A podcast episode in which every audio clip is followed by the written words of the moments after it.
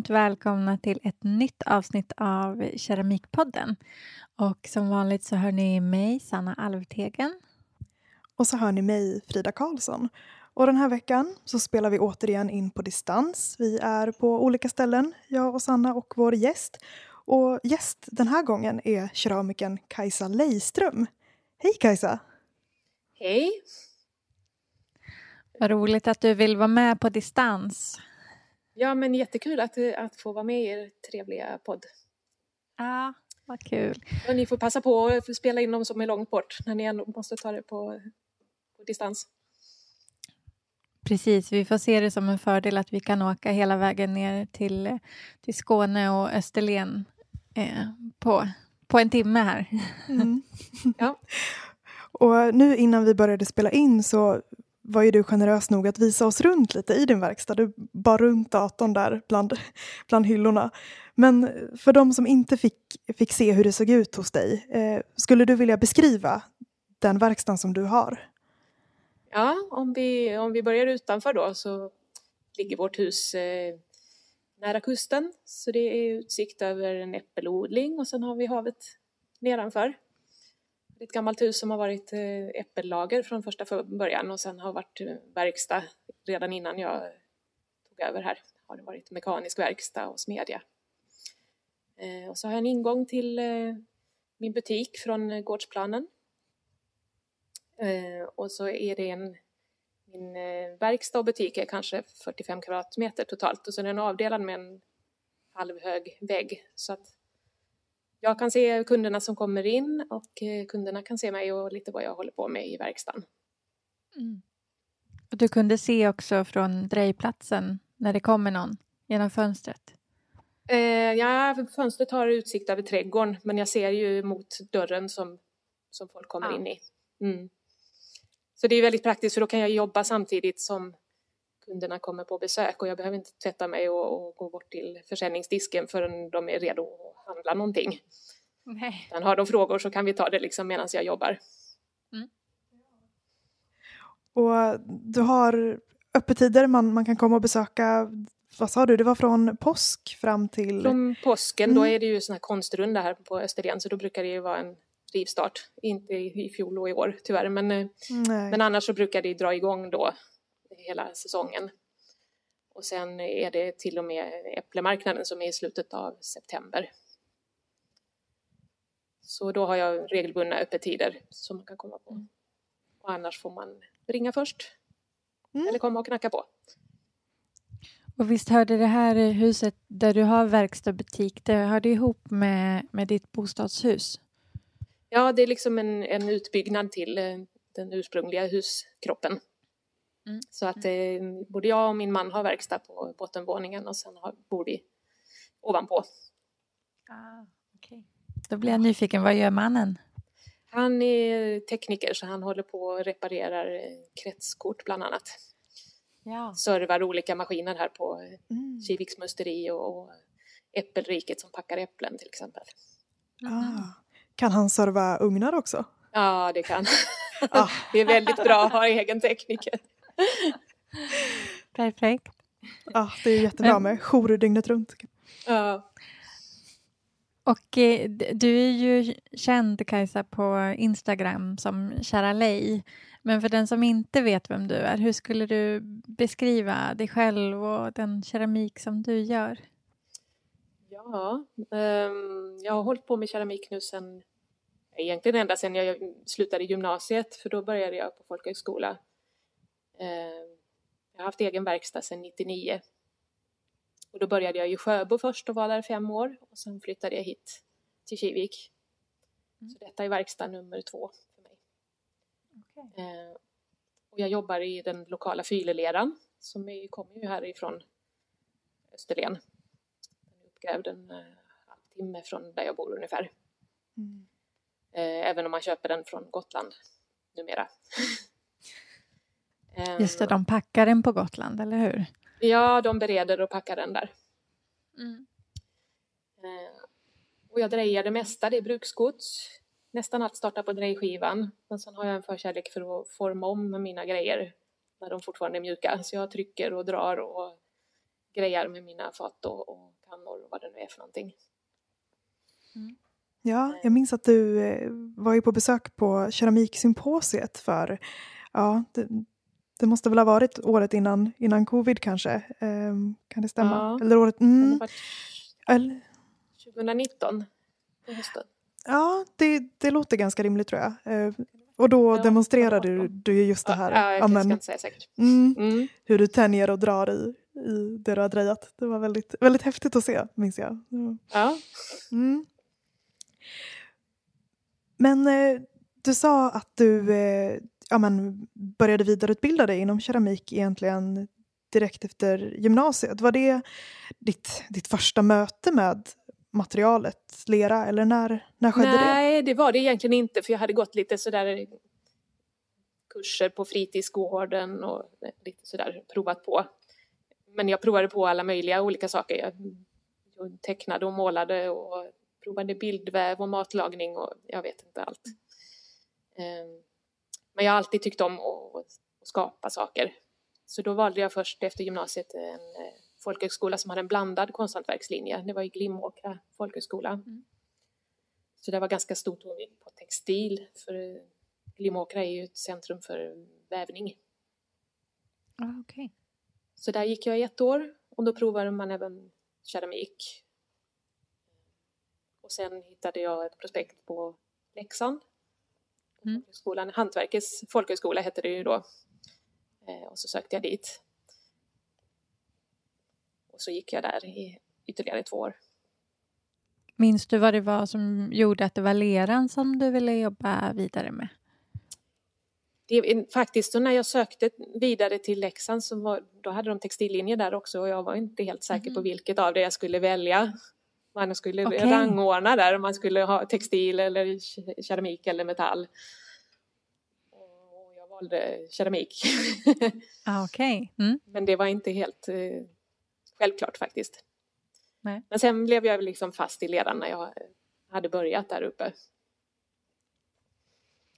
Och då ingick det ju väldigt mycket teckning och målning, nästan lika mycket som keramikundervisning Mm. när jag gick där också. Mm. Och det har jag alltid tyckt om också. Är det här ungefär, är det i början av 2000-talet eller slutet av 90-talet?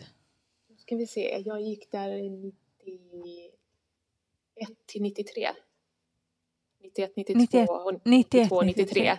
Mm. Mm. Mm. Just det, och då var det nästan hälften bild, hälften keramik. Ja, det var det. Ja. Mm. Fast sen kunde man ju vara i keramikverkstan så- mycket man ville. Så det blir ju fler timmar där ändå sen. Och eh, sen har ju vi också förstått att du har en annan utbildning i, i bagaget. Eh, var det någonting som hände efter tiden på Leksand? Eller vill du berätta lite om så, det? Så, ja, så drogs jag ju med i det här sök, eh, sökandet till högskolorna där. Så jag sökte också till Konstfack och till eh, HDK i Göteborg efter Leksandstiden. Men jag kom inte in någonstans. Och då eh, sökte jag istället eh, jag läste konstvetenskap i Lund. Jag bodde i Veberöd utanför Lund då. Eh, Så jag läste eh, konstvetenskap och jag läste etnologi och eh, lite arkeologi. Så jag är filkan i etnologi också. Men jag har liksom inte använt den utbildningen till någonting. Men tanken var väl lite åt museihållet eller så när jag Mm. höll på där och läste. Mm. Tror du att den här andra utbildningen som du har inom liksom arkeologi och konstvetenskap har det speglats i den keramik som du gör på något sätt? Jag vet inte, inte direkt tror jag. Men jag har ju ganska stort referensmaterial när det gäller konst och form. Kanske ännu mer än om jag bara hade gått i Leksand. Mm. Men jag tror inte direkt att det påverkar. Men de, du, sök, du berättade att du sökte till Konstfack och HDK när du gick i Leksand. Ha, Mm. Har det varit någonting som du har sökt igen sen eller var det liksom där och då som det var intressant? Jag provade en gång till efter jag hade slutat i Leksand, något år efter där. Eh, Men sen gav jag upp det. Hur känner du med det nu så här några Ja, ibland så kan jag undra liksom, vad, om jag hade kommit in där, vad hade jag varit då och vad hade jag gjort för slags Mm. grejer och var hade jag bott någonstans? Det hade tett sig helt annorlunda antagligen. Är, är det något du önskar att du hade liksom fortsatt att söka eller känner du att nej, men det, det var... Nej, nu kan jag tänka Inte- att det kanske var lika bra att jag inte kom in. Mm. det blev en annan väg istället men den kanske var, var bättre för mig egentligen. För jag Mm. Gillar det här görandet av, av bruksgrejer. Mm.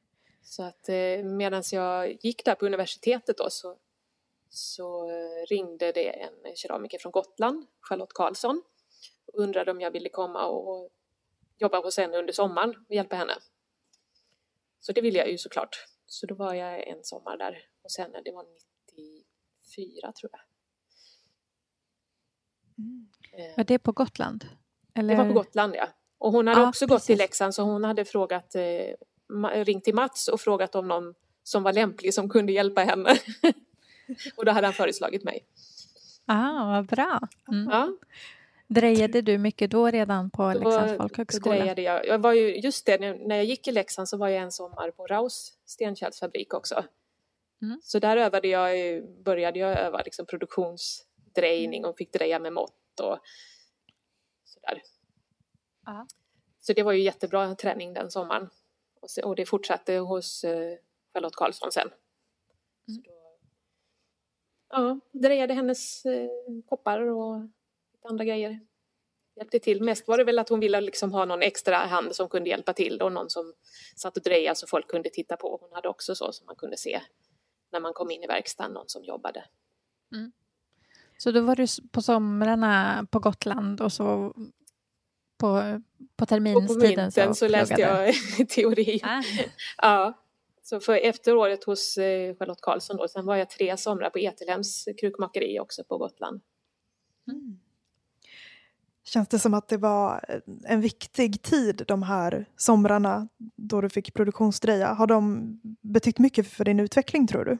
Ja, det har de verkligen. Jag är väldigt Mm. tacksam mot dem som har tagit emot mig och, och haft mig där. Det har väl blivit som en slags inofficiell lärlingsutbildning de här. Och sammanlagt så är det kanske ett, ett drygt ett år som jag har jobbat där. Mm. Var det väldigt olika saker som du fick lära dig att, att göra på de här olika ställena? Jag tänker Etelhem och, och det här andra eh, krukmakeriet till exempel.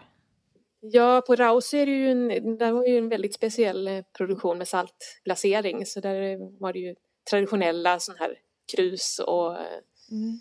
kannor och grejer. Så jag fick inte dreja alla men jag, en del enklare former. Jag gjorde massor med små senapsburkar bland annat. Eh, Och sen var jag liksom med i hela processen där från att vi startade upp tills vi hade fyllt hela den här jättestora eh, ugnen. Och eh, var med på bränningen och sen när vi fick Mm. tömma den.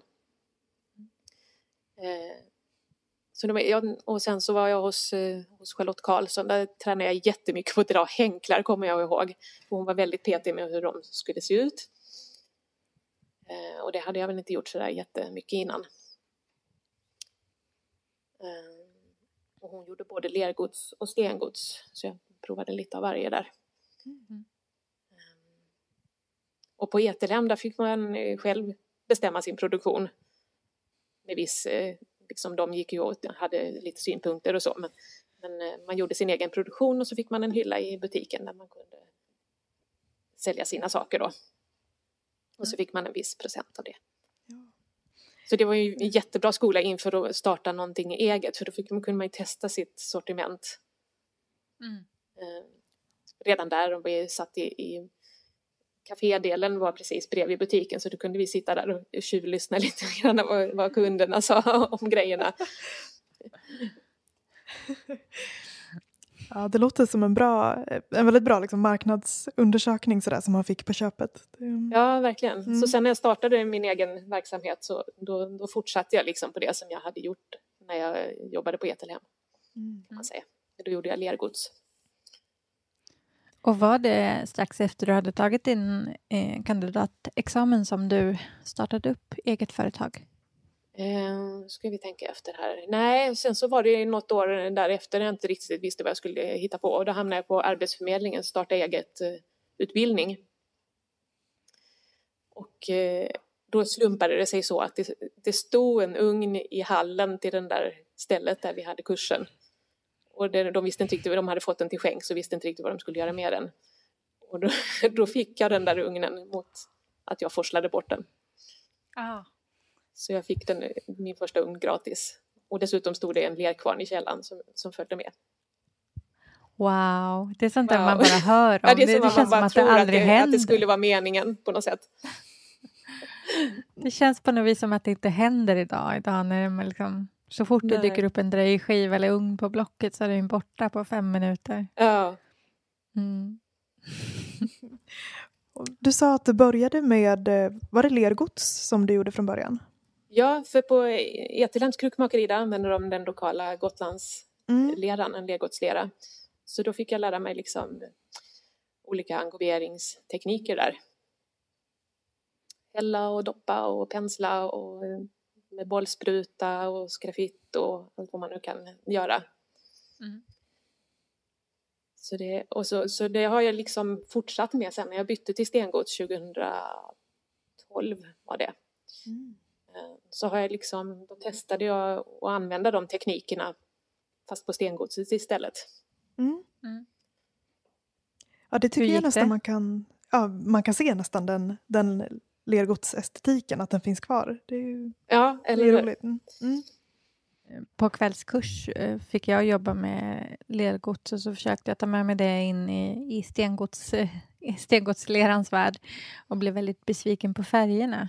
Men du har lyckats få fram mycket färger ändå? Är det angob eller glasyr eller blandat som du använder? Det är mest angober. Jag har en, en vit glasyr som jag, som jag lägger över allting. Mm. Och sen är det angober under på det mesta. Jag har en turkos glasyr också.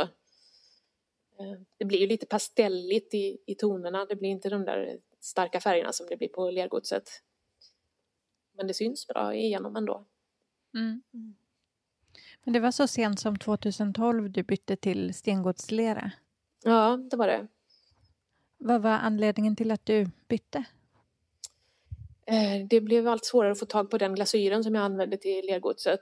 Och så provade jag lite andra och så var det ingen som jag var nöjd med så då bestämde jag mig att då byter jag helt och hållet istället och provar någonting mm. nytt. Och det var jättekul att byta Eh, material så. För då kunde jag befria mig från alla de modeller och, och grejer som jag hade gjort tidigare och, och starta om på något sätt. Mm. Det blir ju lätt när man är brukskeramiker att man fastnar i det servistänkandet. Att man vill, eh, ska göra fler delar och folk kommer och frågar och kan du inte göra en, en sån och har du fler sådana? Så till slut så, så hinner man inte göra någonting annat än att uppdatera de där serviserna som man har börjat på. Ja. Och det kommer och, fortfarande folk och frågar efter lergodsservisen. som jag inte gör längre. Behövde du an, liksom, jobba på ett annorlunda sätt med eh, fileleran jämfört med hur, hur den tidigare lergodsleran hade betett sig? Fick du tänka om med liksom, eh, ja, din produktion? Nej, nej, inte mest med glasyrer och, och angober. Att det fick jag liksom hitta på lite annat. Eh, själva formerna och så funkar ju mm. i, sten, i stengodset också. Mm. Tvärtom var det faktiskt det var enklare att angobera på, på fyleleran än det var på den där Gotlandsleran som jag använde tidigare. Mm som gärna blötte okay. upp och det rasar sönder och sådär. Det händer ju fortfarande ibland men inte, inte ja. lika ofta. Ja, jag tänkte på det. Vi har ju pratat lite om, om den keramiken du gör och det här med att du tänjer och, och drar i leran och sådär. Men jag tänkte om du ville, ville utveckla det lite för de som lyssnar. Hur du hanterar leran, hur det går till. hur jag hanterar leran? ja. ja, det är lite olika beroende på vad det är för någonting. Men om man tar de här ovala faten som, som mm. jag gör. Precis. Eh, så drejar jag upp ett ganska vanligt fat med ett bräm på. På brämet lägger jag inte ner jättemycket utan det kanske står upp i 45 grader ungefär när det är färdigdrejat. Och så skär jag loss det. Men flyttar inte från drejskivan. Eh, och sen så sticker jag in underarmarna under brämet. Och så drar jag i den kanten som är bort från mig på drejskivan. Det är så svårt att beskriva det här med, ja. med ord bara. Jag visar här och, och viftar hejvilt. Um, så jag liksom lyfter upp den änden och, och drar den ifrån mig. Samtidigt som den änden som, av fatet som är, är nära mig, den liksom av friktionen så hänger den ju kvar. Då kan jag tänja det lite ovalt. Och så, så släpper jag och så låter jag drejskivan gå ett halvt varv. Så jag kan dra i andra änden och så mm. tillbaka och så drar jag lite växelvis i ena och andra änden. Mm. Och sen fixar jag till kanten lite så att den blir hyfsat eh, jämn. och sen får det torka lite grann. Eh, inte så mycket så det blir läderhårt. Utan eh, någonstans strax innan. Lite, lite hårdare än i paketet men eh, inte så hårt som läderhårt. Eh, och då kan jag hålla på och trycka olika former på det. Pressa in med fingrarna och tänja mm. ut det lite grann. När du eh, tänjer första gången, är det helt nydrejat då? Du låter det inte ja, stå någonting? det kan vara helt mm. nydrejat eller, eller man kan vänta en liten stund. Du gör ju också mm, Ja, det är svårt att förklara på, på bild, men du viker ju liksom dina kanter lite grann och så och gör liksom lite mönster i själva kanten på fat, har jag sett. Ja. Är det det du gör också då när det har torkat lite men inte är läderhårt? Ja, precis. Det var det jag försökte beskriva precis, hur jag drar och, och trycker där. Ja. Det finns ju filmer på min Instagram hur jag gör det här. Ja. Och även hur jag drar ut ovalt med, direkt på drejskivan. Ja. Om man blir nyfiken och vill titta. Det är ju jättebra tips för lyssnarna att, att kika där, för du är väldigt generös med att visa delar i, i processen när du jobbar. Ja, men det, det är kul. Det är nästan mm. roligare än att, att, visa färdiga grejer, tycker jag. Eh, är det uteslutande drejat eller har du liksom någon gång jobbat med liksom andra liksom, metoder eller sådär? Nej, det är rätt sparsamt med det. Jag har någon, någon grej som är kablad och något som jag använder lite tryckgipsformar till. Mm. Men annars är det drejat som gäller. Ja. Vi har sett att du gör ju också lergökar. Ja. Men det är inte bara gökar. De blir lite allt möjligt. Det, var, det lärde jag mig under den sommaren jag var hos Charlotte Karlsson. Så visade hon mig hur man gjorde ljud ja. i lergökarna. Så då började jag göra där. Så de har Sen, hängt eh, med dig ganska länge? De har hängt med länge de där lergökarna. Och egentligen så passar de bättre att göra i lergods för att det rör ju inte på sig i ugnen. Så det, mm. När man gör i stengods så är det rätt så många som går till spillo för att de eh, ändrar sig när man eh, bränner dem. Och så blir inte ljudet riktigt bra. Mm, de måste ju vara väldigt exakt. här tunna, vassa äggen som är innanför blåshålet måste ju vara på exakt rätt ställe för att man ska få bra ljud i dem. Ja. Men där så bygger du väl också, du drejar själva lergöken förstår jag, men sen så skulpterar du fram lite olika djur. Ja, jag drejar någonting som oftast ser ut som en liten äggkopp på drejskivan när jag startar en, en lergök. Mm, och sen så snörper jag till ovankanten på den så att jag får en ihålig form. Mm. Är det begripligt hur man liksom täpper till den upp till? Som en, det var en pirog ungefär. och sen när den har torkat lite grann så, så gör jag det här blåshålet och sen modellerar jag på huvud och andra detaljer på den. Mm. Sen, sen drejar jag ju dem lite olika då beroende på vad det ska bli för slags djur, om det är en myrslok eller en elefant eller en älg eller vad det nu ska vara för någonting. Ja. det är lite kul, så det är ju en gammal krukmakargrej det där att göra lergökar. Det var ofta lärlingarna som fick göra det. Sälja på marknaden och få sig en extra liten slant. Ja, det minns jag att, vi, att jag fick lära mig när jag eh, gick på en folkhögskola i Arvika, sådär lergodsbygd, att den, den läraren hon körde hårt på att vi skulle lära oss lergökar. Ja, ja. Det var väldigt roligt. Det är kul att du har tagit dem vidare till att bli både rävar och hästar och elefanter. Och, ja. mm. Jag, jag tänkte lite på det här igen med, eh, med lera, för du pratade om att du, att du bytte 2012 eh, till stengods. Mm. Eh, var det fileleran som du hittade till direkt då? Jag tänkte lite på... Ja, Ja, det, var ju, det är ju så att den, eh, den här eh, lergodsleran från Gotland, Gotlandsleran, den, den bereds också av eh, samma företag som gör fileleran. Så jag hade, hade lite paket hemma redan i källaren. Jag hade testat att blanda in den i lergodset för att, att förbättra drejegenskaperna på den här Gotlandsleran som var ganska tungdrejad. Eh, Så då blev det naturligt att jag började testa med de paketen jag hade hemma helt enkelt. Den och sen är- har du blivit kvar med det? Ja, den, är, den är ju så otroligt eh, härlig att dreja i le- fileleran. Eh, Följsam och stadig på samma gång. Sen har den ju lite andra egenheter då, så jag får ofta frågor om, om den inte spricker. Och, för de har, folk har dåliga erfarenheter av fileleran, att den är jobbig att, att använda. Men det som är mest besvärligt kanske är, med glasyrerna har jag tyckt. Att, den är, att allting blir väldigt murrigt på fileleran. Den är så mörk så att den slår igenom glasyrerna. Mm. Så att där jag vill ha det riktigt vitt, där får jag ha en vit angob ovanpå under glasyren. Du nämnde det att en del upplever att den spricker, eh, fileleran. Har du, har du något tips för, för den som tycker att det är besvärligt med bottnar som spricker när man har drejat och så i fileleran? Ja, det är ju att, att arbeta botten Mm. noggrant. Man kan också lägga klösen på, på tvären på drejskivan, kan hjälpa. Så att om du, om du tänker du får ut den här korven ur lerkvarnen eller du har eh, knådat den med den här oxhuvudtekniken Mm. så ställ inte upp den på högkant så att du får spiralen i botten utan lägg den ner och så forma till den istället. Förstår ni hur jag menar? Absolut. Ja. Och det är ju precis eh, tvärt emot vad, vad, vad vi har fått lära oss. Ja, precis. Mm. Men på, när jag jobbade på Raus eh, stenköttsfabrik, de har ju en, hade en lera där som, som liknar fileleran ganska mycket.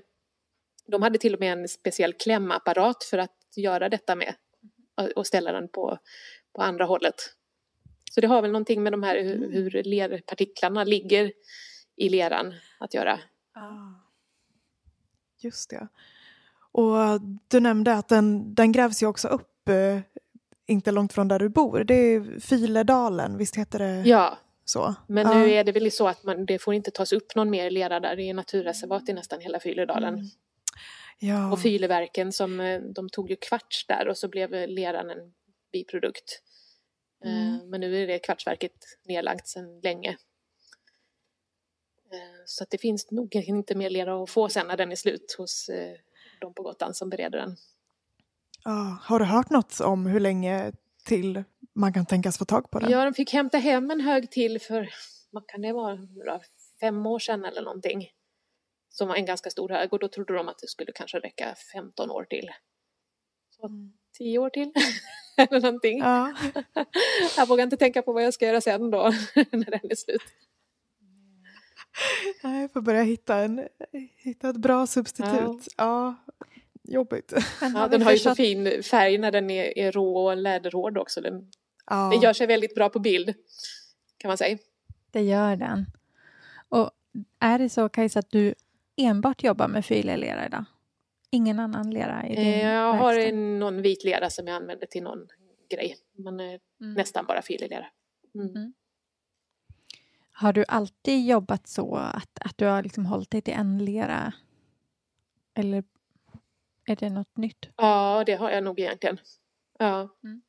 Så eh, då har känns jag fått väldigt variationen genom att praktiskt. använda en gober istället. Ja.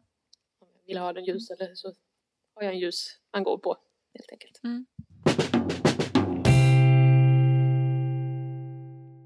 Sen undrar vi också lite, jag ser ju att skylten skymtar lite där bakom eh, den här att du är mästare. Eh, var det 2019 som du blev krukmakarmästare? Ja, det var precis där i samband när jag var på symposiet. Då hade de bedömning Ja. av eh, gesällproven. För jag fick ju validera gesällprov först och skicka in bilder på mina grejer. Mm. Eh, och sen var det slutet av 2019 då. Måste det blivit. Eh, så blev jag godkänd eh, mästare också. Efter att ha gått den här speciella utbildningen som man måste gå i, som också är i Leksand. Precis, ja vi har ju haft lite gäster som, eh, som också är, är mästare och sådär. Men eh, om vi frågar dig, vad, vad innebär det att vara mästare egentligen? Det är nog många som är lite nyfikna på det. Ja, du menar rent praktiskt hur man blir det eller hur? Kanske lite båda delar. Båda delarna. Det. Eh, det är ju inget prov som man gör, inte som krukmakare. Så är det inget mästarprov utan det är en slags företagarutbildning som man går i Leksand och sen eh, som, eh, det är en helg i Leksand och sen är det distansutbildning i tio veckor som man gör. Eh, och så måste man ju ha godkänt gesällprov innan dess då. Så först Eh. gjorde du gesällprovet. Ja, fast, fast eftersom jag hade jobbat så länge så fick jag göra en validering. Alltså jag skickade in bilder som de tittade på. Eh, ja, vad jag hade för erfarenhet och så. Men annars är det ett praktiskt prov. Man ska dreja sig och så många pannor och tallrikar och, och grejer på en viss tid. Och, och få godkänt. Ja. Och dra hänklar och ja, visa att man kan alla de där praktiska sakerna. Ehm, ja, men sen så fick jag väl godkänt då. Sen var det ju meningen att jag skulle få komma och hämta mästarbrevet i Blå hallen. Det hade ju varit en, en grej att få. Det är ju en gång i livet man får komma dit och, på någon fest. Men eh, det blev inställt på grund av covid. Mm. Så det blev någon digital version istället som var lite sådär. Ja.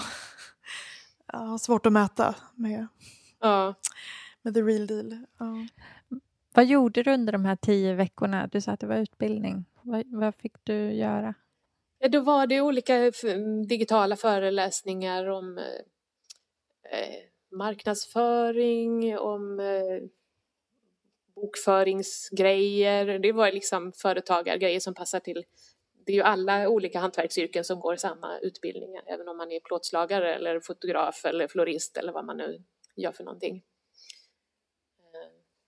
Så det, det går ut på att man ska vara en, en schysst företagare helt enkelt och veta vad man håller på med när det gäller den, den delen. Men det var väldigt kul att träffa alla, alla andra hantverkare på den där helgen i Leksand. Men det var inget prov så då? Eller? Nej, det, var, det är liksom inget praktiskt eh, prov, men det, det skiljer lite mellan olika yrken. Jag vet att de som var frisörer skulle göra någon bruduppsättning till exempel, som de skulle få godkänt. Men det är ju svårt med keramiken, är, så, det är ju sånt jättefält, det går liksom inte, vem ska bedöma det Mm. egentligen? Ja, svårt.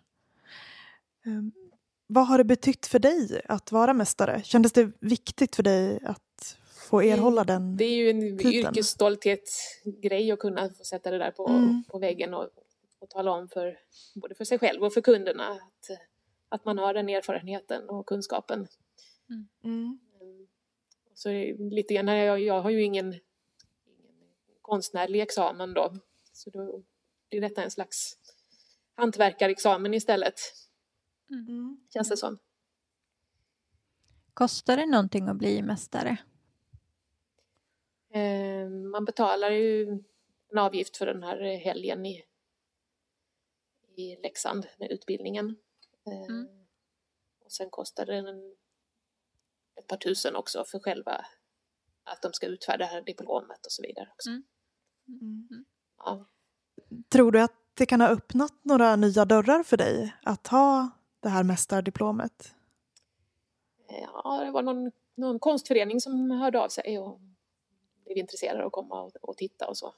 Men annars har det väl, nej, det är mest att kunderna, jag har satt upp det så kunderna som kommer in här ser, ser det. Ja, härligt att få vara lite, känna sig Det lite blev, stolt. någon, ja, det blev någon radiointervju också så, där, Ja. så lite, lite ståhej blev det i alla fall. Mm.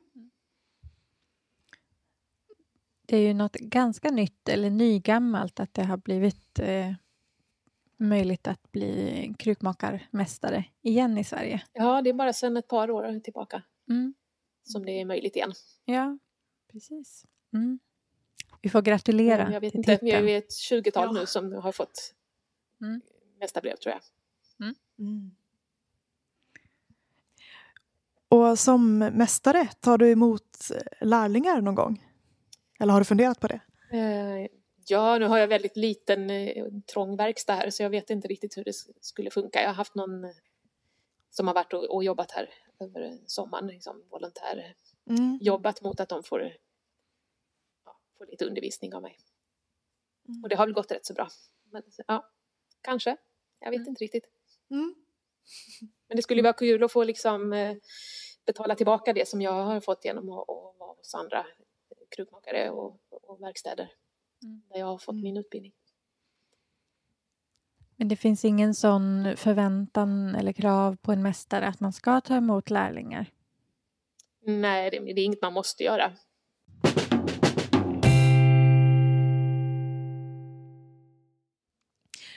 Vi pratade ju lite om det tidigare också, att du delar med dig väldigt generöst på Instagram och sådär av, av det du skapar. Både färdiga alster men eh, också processbilder och inte minst ja, men, de vackra omgivningarna kring där du bor. Och du når ju också ut till, till många följare. Eh, så jag tänkte fråga om du har några tips när det kommer till, till marknadsföring i sociala medier som, som du kan ge till våra lyssnare? Ja, det, alltså det började växa väldigt mycket när jag började visa videos på, jag tillverkade keramiken. Så just det där att få se tillverkningen och, och förvandlingen när man gör grejer. Det är väldigt fascinerande både för, och, ja det är många andra keramiker som följer mig men, men andra också som tycker det är spännande att se hantverk. Så videos är ju, är ju ett tips. Sen har jag valt att hålla min Instagram helt på engelska också så jag når ju ut till hela världen egentligen. Det är bara knappt 10 procent av mina följare som finns i Sverige. Jaha. Oj. Så, ja, jag vet inte, det. dels så når jag ju många så jag får liksom en slags eh, kollegbank som jag kan vända mig till. Det är ju lite sällskap också när man jobbar ensam. Mm. Så man kan, om man har något problem så kan man ställa någon fråga. Det var häromdagen, jag undrade hur jag skulle göra med hål som ville glasera igen. Och då man få massor med tips där. Eh, var var jag någonstans? Ja, just, eh, att man kan be om råd. Ja, man kan be om eh, råd från, kollegor. från andra. Mm. Ehm, Men samtidigt så, så genom att ha det på engelska så kanske jag tappar en del svenska kunder som jag kunde fått om jag hade hållit det på svenska. För att man inte fattar att jag finns i Sverige och det går att köpa mina grejer här. Mm. Är det något du har funderat blir mycket på någon- om du skulle ha det på svenska eller engelska? Eh, nu, nu känns det svårt att, att byta tillbaka. Jag kan inte byta till svenska igen. Och jag tänker att alltså, bor man i Sverige så förstår man ju engelska ändå. Mm. Men eh, att bjuda på en del liksom, process och ja, vara bjuda generös med liksom, och- tillverkningen. Och, Och, ja. och, och, och så. Sen har jag, så blandar jag ju då med, jag tar väldigt mycket naturfoton också. Så jag blandar lite grann med dem och det kanske också lite på, på gott och ont. En del så skulle kanske hellre se att det var en renodlad keramik, Mm. keramikkonto. Och irriterar sig på att jag postar bilder av svampar och blommor och så. Men, men samtidigt är det en del av mig så att det, det känns som att jag vill visa det också. Mm. Så jag är inte, jag är inte så strategisk liksom när det gäller marknadsföringsgrejen. Jag, jag postar det som jag känner för. Försöker vara, liksom hålla mig till ämnet i alla fall. Att det, det är keramik och så är det omgivningarna runt omkring. Mm. Och jag postar en eller två gånger om dagen. Kanske en, en keramikbild och en någonting annat. Tycker du att det är roligt eller kan det kännas som ett tvång? Ja, oftast är det roligt. Men i, ja, periodvis kan det ju vara så att man inte har några bilder att visa upp eller man har ju suttit med bokföringen eller Eller sådär. Mm. Så då kan det kännas lite pressande att man, har, man vet att man har 18 000 följare där som väntar på att se någon kul video. Mm. Medan jag sitter och tragglar med siffrorna. Har du något eh, system liksom för hur du postar på Instagram? Har, brukar du lägga upp på vissa tider eller blir det när det blir? Eh, jag brukar försöka hålla mig på kvällssidan. För att då, då når det även de som eh, i USA till exempel. Ja, just det. Man märker ju lite grann när man postar hur mycket respons man får. Om jag postar klockan tio så får jag inte lika mycket respons på en post som om jag lägger in den klockan sex på kvällen. Mm. Mm. Men sen vet man ju inte med de här eh, algoritmerna. Ibland så hamnar man i någon strömfåra så att det går jättebra och ibland så hamnar man i bakvattnet och syns inte alls utan att man vet vad man har gjort egentligen. Mm. Ja. ja, det har ju blivit svårare det där att komma igenom bruset har jag förstått. Att det, ja, men just med algoritmerna och ja. mycket att tänka på om man vill vara taktisk. Har du ett gäng bilder på lager sådär som du vet att men de här kan jag portionera ut under veckan eller är det dagligen som du fotar? Det, det varierar lite grann. Ibland kan det vara så att jag har tömt en ugn och så fotograferar jag de grejerna och då har jag dem att pytsa ut under veckan som kommer. Och även om jag har varit ute på någon fotopromenad och tagit många bra bilder så har jag dem att ta ett tag framöver. Mm. Eh, och sen ibland Fotar så kan det du med någon man... särskild kamera? Jag har en digital systemkamera som jag brukar ha med mig när jag är ute och går. Mm.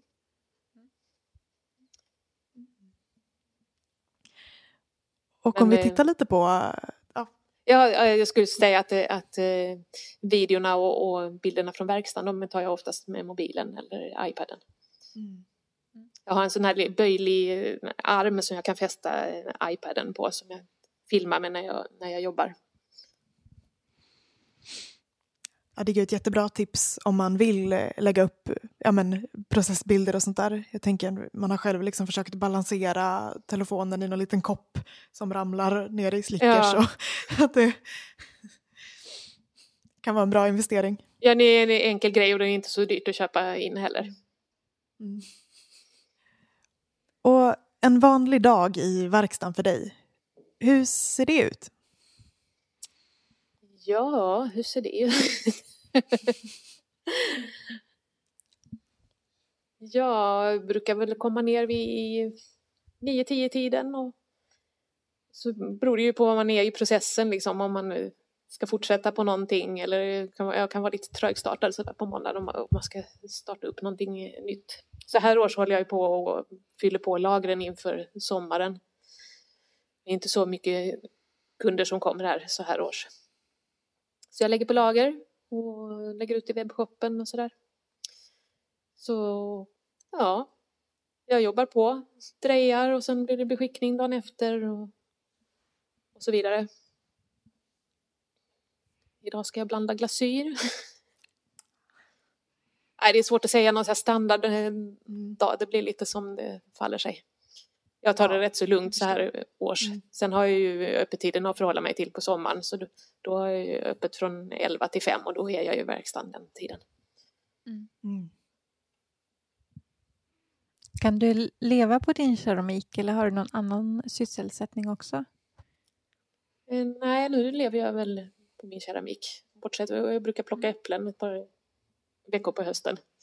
Så då tar jag helt ledigt från keramiken ett tag. Mm. Men från början var det för att jag behövde pengarna men nu är det mer för att jag tycker att det är rätt så skönt. Att ta ett avbrott, göra någonting helt annat och träffa andra människor. Då jobbar du för någon annan och plockar äpplen, det är inte dina äpplen? Ja, du, nej, då jobbar jag för en odlare en bit härifrån. Ja, just det. ja. Är det länge som du har kunnat helt försörja dig på keramiken? Mm, jag har väl gjort det i stort sett sedan jag flyttade hit till Kivik och det var 2004. Mm. Sen är det, jag har ingen jättehög inkomst precis men, eh, men sammanlagt med min man så, så räcker det till. Liksom. Mm. Eh, men i början så när jag precis hade startat min verksamhet då hade jag tre andra jobb. Så då hade jag två Oj. keramikundervisningsjobb. Plus att jag stä- hade ett städjobb. Ja, det, det är roligt att höra att det ändå kan, kan gå, även om, om det inte blir Ja. någon liksom, Sen, sen har jag ju turen att jag inkomst. har hamnat på ett jättebra ställe här i Kivik. ja, Mm. Eh, Det kommer ju jättemycket turister här på sommaren och jag bor Mm. nästan granne med Kiviks musteri som är ett av Österlens största besöksmål.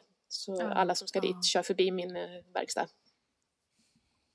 Vad bra. Och sen kör de tillbaka igen för det är återvändsgränd. Och, och så är, och har jag Stenshuvud nationalpark här också alldeles intill. mm, Mm. just det. Och då förstår jag, turisterna är viktiga och du nämnde också konstrundan som, som en, eh, ett startskott så för säsongen som är i, Ja. i Skåne över påsk. Men det blir, blir det någon konstrunda nu i, eh, i år 2021? Nej, de har, de har skjutit, ja det blir en konstrunda men den blir vid midsommar istället. De har skjutit fram den. Mm. Men eh, jag tänkte nog hålla öppet här i alla fall under påsken. Mm. Var det ett väldigt stort inkomstbortfall när den uteblev förra året? Eh, ja, våren var rätt så dålig, det var den faktiskt jämfört med vad den brukar vara. Eh, men jag tog igen det sen under sommaren för det här kom mer turister än vad det brukar. Alla skulle hemestra på Österlen verkar det som. Så det var otroligt mycket folk här. Jag hade kö utanför verkstaden ibland. Så de kunde Ja. inte släppa in så många i taget i, i butiken. Nej. Nej. Oj. Men om man vill eh, se eller köpa din keramik, ja dels kan man ju kontakta dig om man vill komma förbi och titta, men du har också en webbshop va? Ja, det har jag från min Mm. eh, hemsida. kan man handla Ja. direkt. Och vad är det för adress? Det är kon- Kajsas konst och keramik? Kajsaskeramik.se Kajsaskeramik.se. Mm. Ja. Och på Instagram även, eh, heter du Kära Lej med K. Kära Lej heter jag konstigt nog. Ja. Men det namnet hittade jag ju på liksom innan jag hade kommit i- igång riktigt där. Jag var jättemotsträvig att komma igång med Instagram. Det var flera som tyckte att ja, men det borde du prova och jag tyckte bara nej, jag vill inte ha en, ett ställe till att hålla reda på. Och sen var det ett sånt här symposium uppe i Leksand. Eh, ett av de första där jag också demonstrerade. Och då delade folk bilder med varandra på Instagram och då hakade jag också på. Ja. Mm. Då tackar vi Leksand och symposiet för att du finns på Ja, Instagram. och precis. är- Ja. Och just nu, vad håller du på med i verkstaden för tillfället?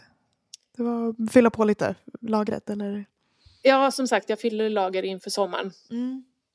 Mm. Så, och, ja, så här år finns, ju, finns det lite utrymme också att testa nya grejer och sådär. Så nu håller jag på med en serie med olika skogsdjur på som är ny. Jag började lite grann på den i höstas men nu har jag vidareutvecklat den lite grann. Så det är gröna muggar med rävar och älgar och harar och grejer på. Ja, det är mycket djur på din keramik. Det är mycket, det har blivit det. Den här någon- skogsgrejen var vi hade en temautställning på, jag är med i ett eh, konsthantverkskollektiv också, en kollektivbutik som heter Kaos som ligger bara fem minuter härifrån i södra Mellby. Där hade vi en utställning i höstas på eh, skogstema. Skogsfantasier kallar vi den. Och då hittade jag på de där muggarna.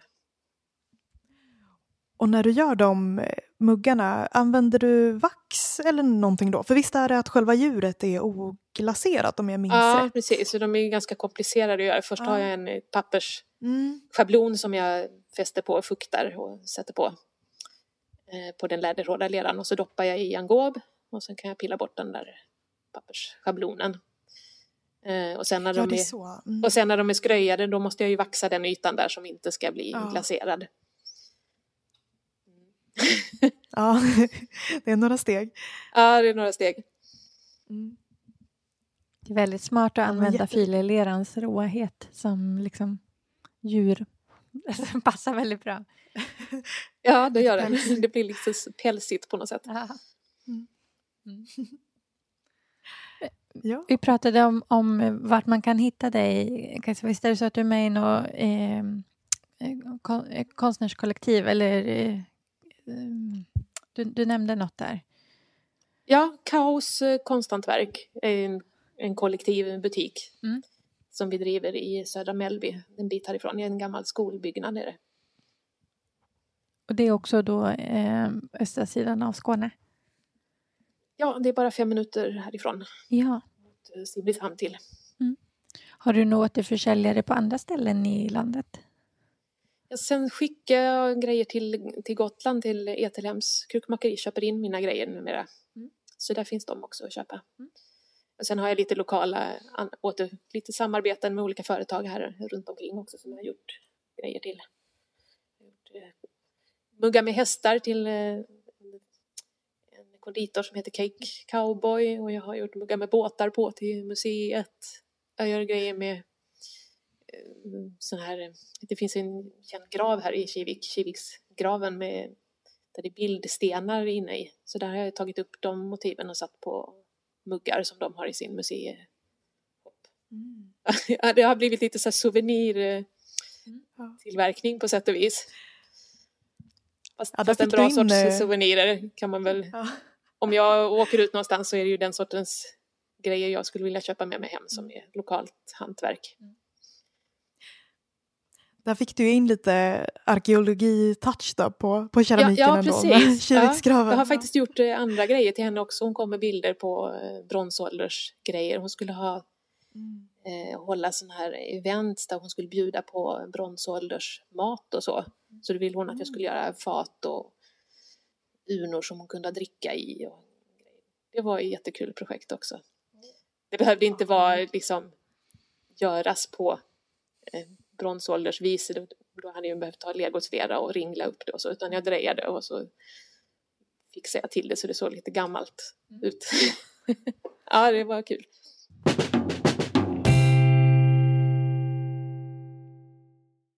Undrar om eh, det ska få sätta punkt innan vi går på de här lite korta, snabba frågorna som vi har. Ja. ja. Yes. Eh, och då undrar vi, finns det något verktyg som du inte kan vara utan? Ja, förutom drejskivan då så, så tänker jag på min eh, träpinne som jag använder mycket när jag ändrar form på grejer. Det är bara en enkel fyrkantig trästav kan man säga som jag har rundat till lite på hörnen. Den har jag trycker på, sådana här eh, knoppar som man kan sätta på pinnar i, i trädgården och de trycker jag på. Jag har den till många olika saker. Jag tassar med, vad använder den också till.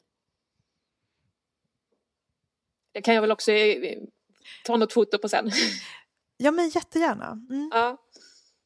Lyssnar du på någonting i verkstaden? Jag lyssnar på poddar och jag lyssnar på böcker. Men det är den delen av året när jag inte har kunder i butiken för annars så brukar jag bara ha, ha radion stående på. Mm. Så då är det lokala P4-stationen. Och om du måste välja ett eh, favoritmoment i liksom, processen i skapandet med lera, vilket blir det då? Ja, men det måste vara det här när jag ändrar formen på grejerna, när de är liksom uppdrejade och torkat till lite grann och så kan jag trycka på dem på olika sätt. Mm. Misstänkte ja, nästan då, då önskar jag alltid att jag hade drejat upp fler. när jag har. Mm. För då är det alltid någonting med, ja, vill jag prova det också? Så, nej, så hade jag inte fler fat. Mm. Det ser väldigt tillfredsställande ut. Ja, det är roligt. Jag har inte någon plan från början oftast utan jag bara trycker, börjar trycka och så får vi se vad det blir. Mm. Vad tycker du minst om att göra? I verkstaden? Blanda glasyr och eh, sikta den. Mm. Det som du ska göra idag med andra ord? Ja, precis. Har du något knep för att ta dig igenom det? Ja, man får väl lyssna på något, någon spännande bok eller någonting. Ja. Mm. Fast när man ska väga upp glasyringredienserna måste jag ha alldeles tyst och ingen som kommer och stör. Då är jag alltid så rädd att jag ska göra fel. Ja. Eh, Har du någon eh, sådär smart lösning som du har kommit på i verkstaden som du vill dela med dig av? Jag har ett trix för att beräkna krympning på leran som är väldigt smart. Mm -hmm. Att man gör med en lerlinjal. Så man kavlar ut leran och så gör som en, en linjalform av leran. Och så tar du en vanlig linjal och så mäter du ut centimetrarna på den. Och sen bränner du den till hög temperatur. Och då kan du liksom använda den linjalen och mäta efter sen mm. om du får en beställning på en mugg som ska vara säg 15 centimeter eller ja, vad det nu kan vara för någonting. Då kan man lägga sin vanliga linjal över den där krympta linjalen mm. och då ser man hur, det, hur mycket det motsvarar i rå lera. Jättebra. Det är inget jag kommit på själv, jag har plockat upp det på nätet någonstans, det tipset, men det är ja. jättesmart är det. Ja. Jag använder det hela tiden. Gud vad bra. Ja, Ja, jag vet att vi, att vi hade några sådana liggande i ett skåp på Leksand men som att jag aldrig riktigt tänkte så långt att jag kunde använda dem på det sättet. Jag tänkte mer som att jag såg det som ett prov, att ah, den krymper ganska mycket. Men... men det är jättesmart att ha. Mm, verkligen. Mm. Är det något fält inom keramik som du skulle vilja veta mer om? Ja, jag skulle vilja träna mer på att dreja stora saker. Det känner jag att jag inte riktigt behärskar. När det är mm. många kilo och man ska ha det, ja, fat och skålar går bra men när man ska ha det uppåt. Mm. I formen. Mm. Så det kanske jag tar någon kurs någon gång. Mm. Mm. Eh, har du varit med om något sånt här, någon riktig katastrof eh, som är verkstadsrelaterad? Nej, det kan jag inte komma på någon. Jag har, jag har kanske det kvar att göra. Några mindre Skolan grejer som jag gjorde redan på utbildningen och så. Kom, som mm. krasslade till sig men eh, nej. Ja, bland annat en glasyr som jag skulle blanda i läxan och så la jag bentoniten överst och så hällde jag på vatten. Och så, så tittade Mats i hinken och så sa han Du kan börja om. Vad hände då? Ja, bentoniten, det blir som en enda klump liksom om man inte blandar in den. Man måste röra om den liksom med någon annan mm. ingrediens innan man häller på. Okay. Annars är det ju ja. jättesvårt att sikta ut det. Mm. Just det. Man får tänka liksom bakpulver och mjöl och typ. Ja, ja precis. Mm. Vem eller vad får inte komma in i din verkstad? Eh, Nej, det har jag nog inga sådana regler precis. Här är det ju öppet för vem som helst att komma in i, mm. i butiken i alla fall. Ja, mm. inga material eller sådär som du inte tillåter? Ja, nu har jag ju inte, lergodsleran är liksom bannlyst för att jag inte ska förväxla den med, med stengodsleran. Mm. Den här är, den är väldigt lik Gotlandsleran och fileleran, ganska lik i färgen när den är, är torr men inte bränd så det mm. skulle lätt kunna bli någon förväxling där. Ja. Förstår. Om du inte var keramiker, vad tror du att du skulle göra då? Ja, jag tycker mycket om blommor och, och växter och växter att plantera och sådär. Kanske något florist eller eh, trädgårdsarkitekt eller så, hade jag kunnat tänka mig. Mm. Eller ja. något museijobb, ordna utställningar eller så. Mm. Ja, visst. Vi såg ju din tekannebuske där ute som du har For, eh, format en buske ja, till en tekanna. Ja. Jag tror att du har en framtida karriär där om du vill.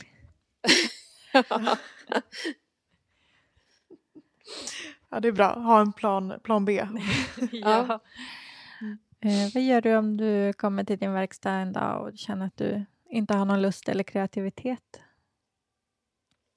Uh, då, då, brukar jag nog köra vidare på något eh, ja, några muggar som jag brukar göra eller så. Mm. Jag tycker inspirationen ofta kommer när man eh, håller på med någonting som man har gjort många gånger. Så att om jag drejer de där muggarna som sitter i händerna som jag har gjort flera hundra tidigare så mm. lösgör man fantasin till att hitta på andra saker. Mm.